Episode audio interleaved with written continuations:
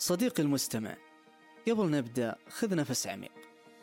إلا ما نمر بالحياة بأوقات من مشاكل أو ضغوطات سواء اجتماعية أو مهنية. متخصصة العلاج النفسي نجلاء الفهد تقدم بودكاست انعكاسك. في كل حلقة تساعدك تفهم المشكلة وأسبابها لأن الوعي هو نصف الحل. شيك على رابط البودكاست في وصف الحلقة. أهلا يا أصدقاء. أتشرف بكم في زاويتي الصوتية بودكاست على الرف.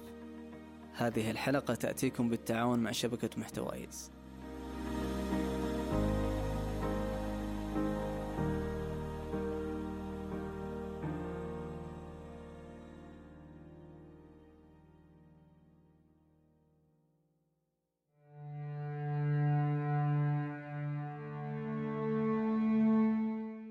حياكم الله. أنا كاتب منقطع مع وقف التنفيذ الإرادي عن الكتابة ولكني أعيش حياتي بأدوات الكاتب. أنا ألاحظ وأشعر وأربط بين الأحداث وأصيغ كل ما ينتجه عقلي وتكتب مخيلتي على أوراق قلبي وروحي. أدركت إن اللي تتيبس يده عن الكتابة تلاقي رهبة من الليونة والانسياب على الورق. وعشان كذا قررت أسمعكم اللي تقوله مخيلتي تكتبونه في قلوبكم وأرواحكم لأن داخلي ممتلئ. في كل مرة ينشطر قلبي لتشظيات صغيرة. تتخاطفها الرياح فلا تجعلها هباء ولا تجعلها شيء يستفاد منه. كلقاح يطير به الهواء كي يساهم في تلقيح شجرة أو زهرة. كل ما في الأمر أن الكون يغص بتلك التشظيات الورمية. في كل يوم أستيقظ على كسوف شفاف أرى الشمس ولا أراها بشكلها المعروف. هناك شيء يحجبها عني تماما. وفي صباحات يكون الحجب جزئي. هذه الأوصاف سبيل للهذيان بصوت لا تستطيع روحي كتمانه. كم هو مريح أن يختصر عليك أحدهم عناء فضولك ويرفع مستوى صوته الداخلي ليكون فوق الأنين بثلاث درجات. أنا اسمي ما تحتاج تعرف اسمي لأني معروف في مجتمعك اللي تعيش فيه أو في داخلك. ما أدري. أعيش حياتي بشيء من التبلد والروتينية المستمرة في واقعي من سنوات طويلة. ما أخفيكم أنا حساس ومرهف الشعور وأي عابر يقدر يخطف خيالي معه ويرحل. وابقى أحرس أثره. حتى تكونت في مخيلتي مدينة من الراحلين. بسكانها وشوارعها ومنازلها ولعب أطفالها. عندي عدد هائل من الزملاء ومن تربطني فيهم علاقة عمل. عندي صديق واحد هو المقرب مني اسمه سالم. كنت أشوف فيه سلامتي. تعودت أتفائل بالأسماء. تواصلنا متذبذب. لكن ما أخفيكم علاقتنا لا زالت تحتفظ بعمقها. والصدق أننا نتواصل في مكالمة واحدة خلال خمسة وستة أشهر. وما أحس بأي إحراج إذا افتتحت المكالمة بشتيمة سالم. وأضحك عليه. ثم بعده تبدأ أسئلتنا عن أحوال بعضنا. وآخر المستجدات. ما شاء الله كان سالم متجدد. تحس تنزل له تحديثات شهرية. وأنا في السنة يمكن أغير مقاس بنطلوني. وعلى هالسيرة أتذكر مرة اتصلت على سالم.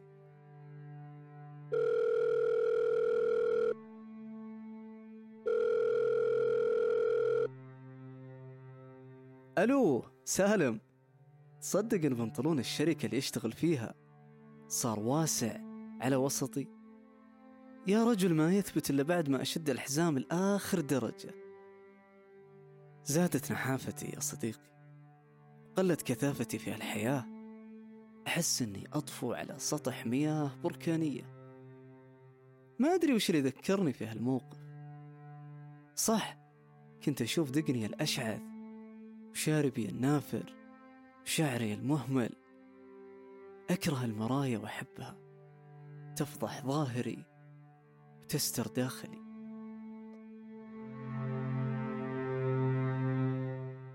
قال لي سالم الظاهر أنك تخفي عني طرف علم. ما راح أستجوب. أبى أتركها للوقت يسويها عني. لكن الحياة يا صديقي تنصف اللي يقدر يقاتل ويتمسك في اترك عنك نصائح المترهلة أنت تتذكر أيام صف ثالث ثانوي ومدرس مادة الأحياء يوم استعرض معك نص نثري وكاتبه وقلت بوجهه أنت كاتب عادي. يا جرأتك يا وقح. الله أستاذ عماد. يا أخي كنت في ثورة المراهقة وقتها وأنا صادق كان كاتب عادي. إلا تعال أنت من 2009 ما نسيت هالسالفة؟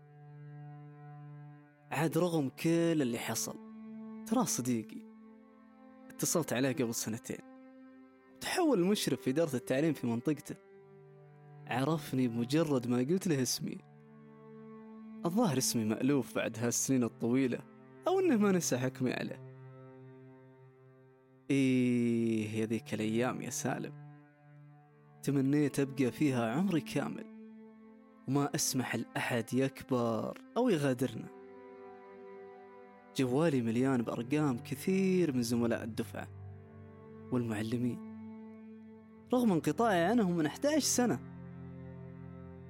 لكن يعرف أوضاعهم الاجتماعية. والغريب أني إذا كلمتهم يسحبني الحنين للوقت الأول.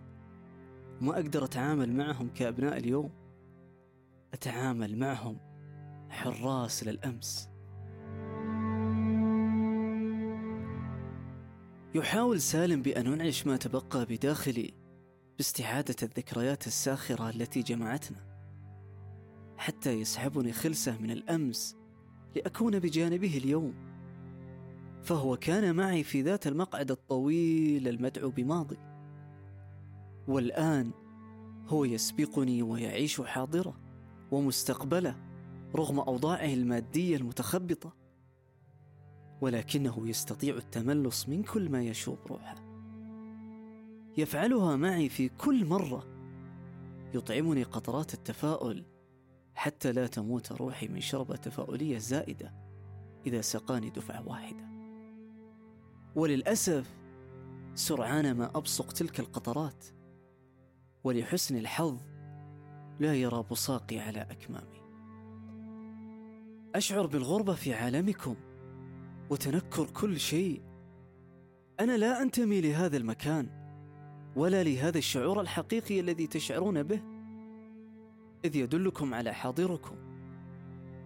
أما المستقبل لا أرى فيه إلا احتداء ظهري وأرذل عمري فقط. أنا أشعر بالحياة مع الأموات أكثر من الأحياء والموت أحب لي من حياة أقضيها بين ركام ذكرياتي. سمعها سالم مني ذات مرة في اتصال موسمي كالعادة وصمت كصمت الجبال. ربما هو مسرف في الحاضر وبعيد جدا عن الأموات والنهايات وأصبته بصدمة في تفاؤله.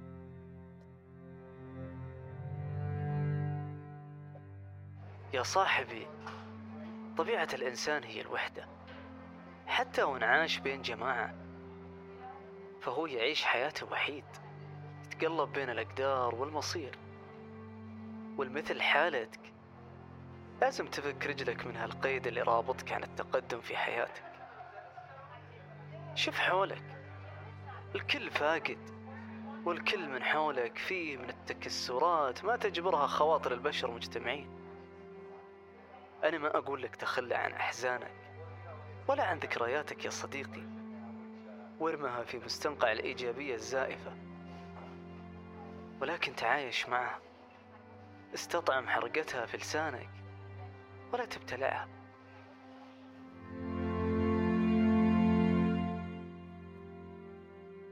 سالم ما يستوعب إني فعلا سعيد بولائي لذكرياتي ويصير اتجاوز مخرج بيتي.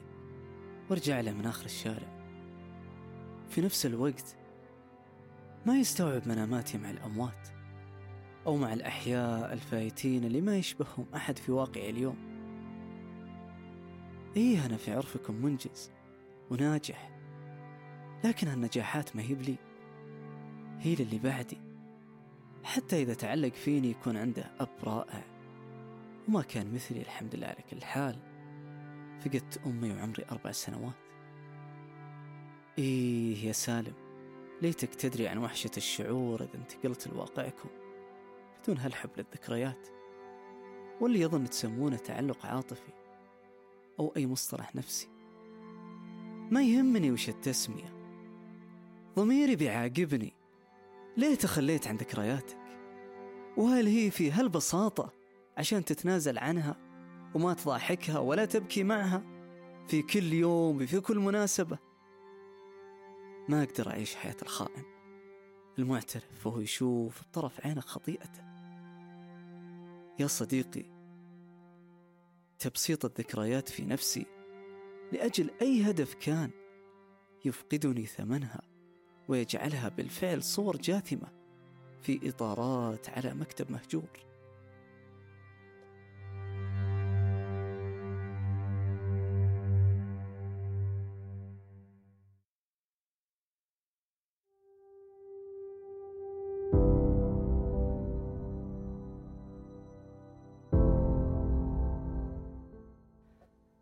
عادة الإنسان هو لا يزال يتذكر ماضيه والحنين لتفاصيله وما يحتفظ فيه في أدراج الذاكرة من لحظات وأماكن وأحوال وأشخاص صادفهم أو عاش معهم في حياته.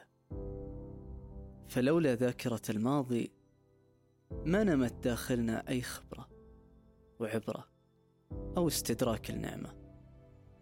وبرغم أن الماضي حياة الكثير منا ما كان وردي وخالي من المتاعب مثل ما يتصور أغلبنا.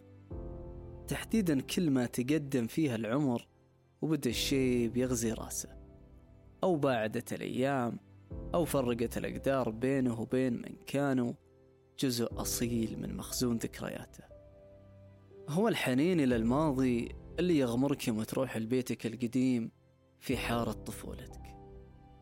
أو تقلب في أوراق ذكرياتك أو تطالع صورك مع الأهل والأصدقاء وكيف كانت حياتكم اليومية في الشارع والمدرسة والجامعة؟ كيف كانت وكيف أصبحت الناس وأخلاقهم؟ كل منا يحن لذيك الأيام زمن الطفولة والشباب الخالي من المسؤوليات والمخاوف. الكل يشوفها أيام دافية في عمق العلاقات. بين الأهل والأصدقاء والجيران. هل تعلم أن الحنين إلى الماضي له أصل علمي؟ ما في أحد منا خاصة من تقدم به العمر ما يتذكر ولو لحظات جميلة من ماضيه وتخفف حاضره وهالحالة اسمها نوستالجيا.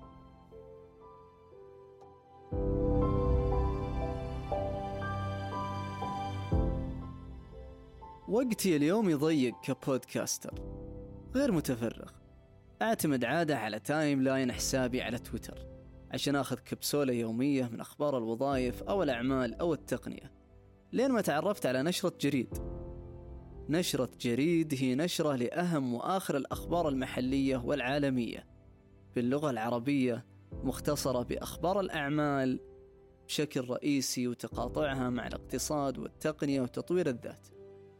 الفرق اللي شفته بجريد عن باقي النشرات البريدية. انتقائها للأخبار بإيجاز وتوفير المصادر. للي حاب يطلع أكثر للاشتراك في نشرة جريد تلقى رابط الاشتراك بوصف الحلقة.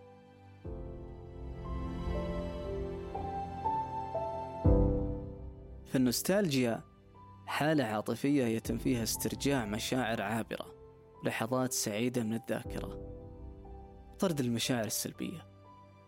وأن نسبة 80% من الناس يشعرون بالنستالجيا مرة على الأقل أسبوعيا.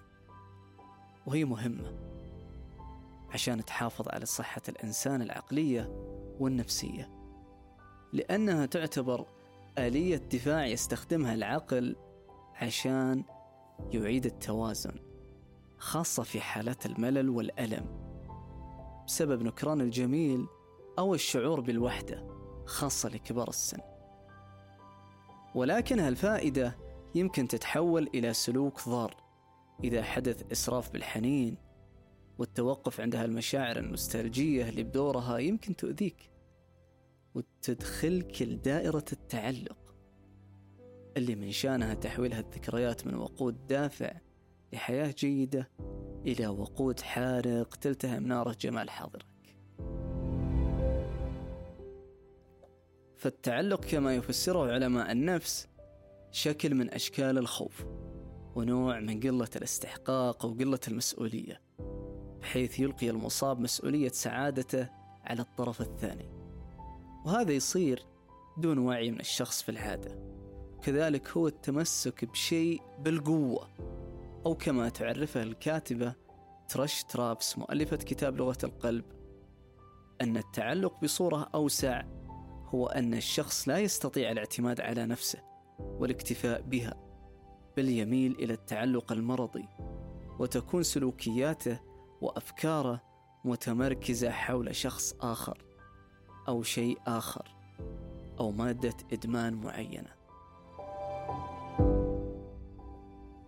مادة إدمان شلون يعني؟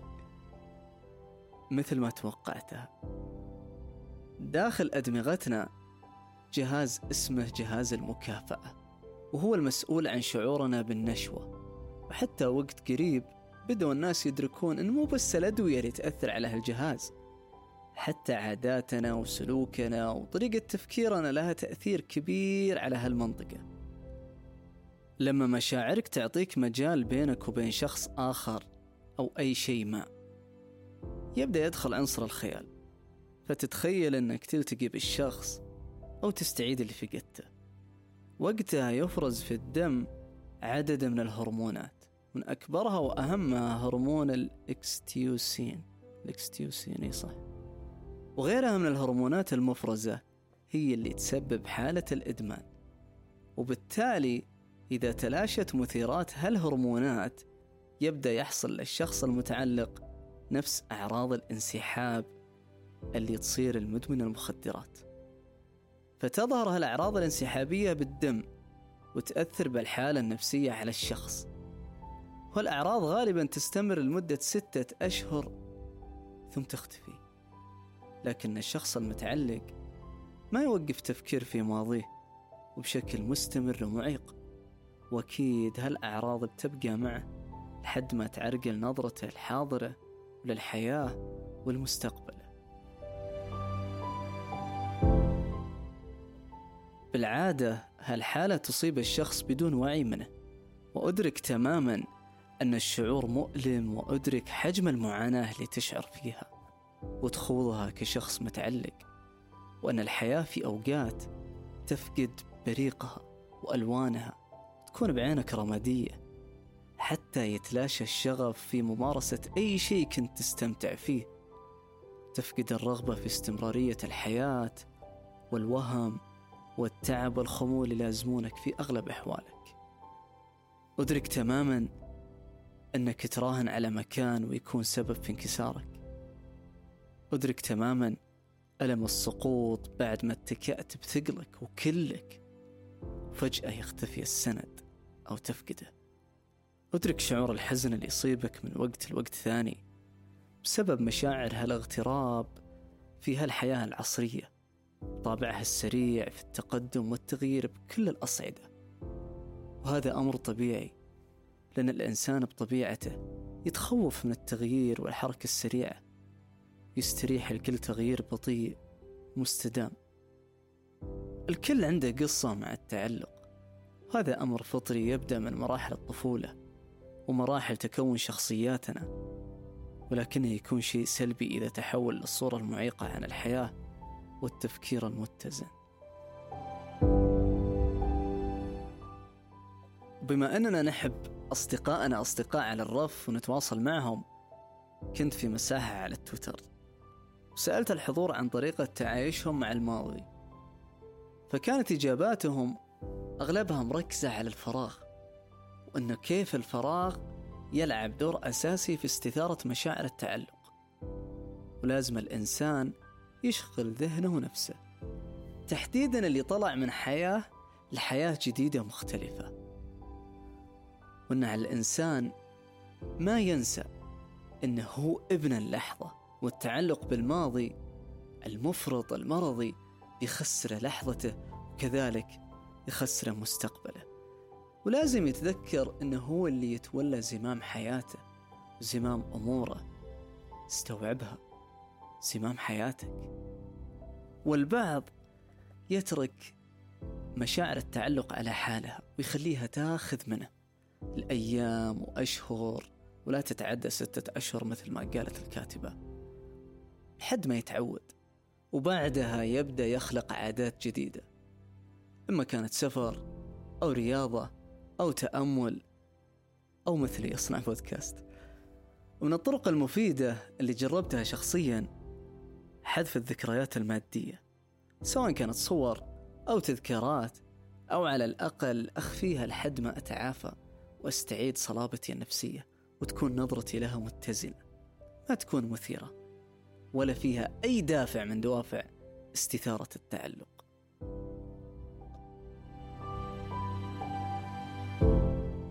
أعرف أنك إنسان وفي لذكرياته والكل شيء عاشه تقدر تكون فعلا وفي. لكن بدون هالنزعة الحزينة. ونتخلي هالذكريات تكون وقود دافع لحياة أفضل ولا تكون حارق للحظات القادمة. تقبل كل هذا واعرف أنك أنت مو مشاعرك ولكن سلوكك معها. يا جماعة طربتني الجملة هذه بعيدها واعرف أنك أنت مو مشاعرك ولكن سلوكك معها. صاحب ماضيك. وافخر فيه. وأهم شيء لا يسبك. تذكر دايم أنك المسؤول عن صياغة ذكرياته. وشلون تبي تكون فيها.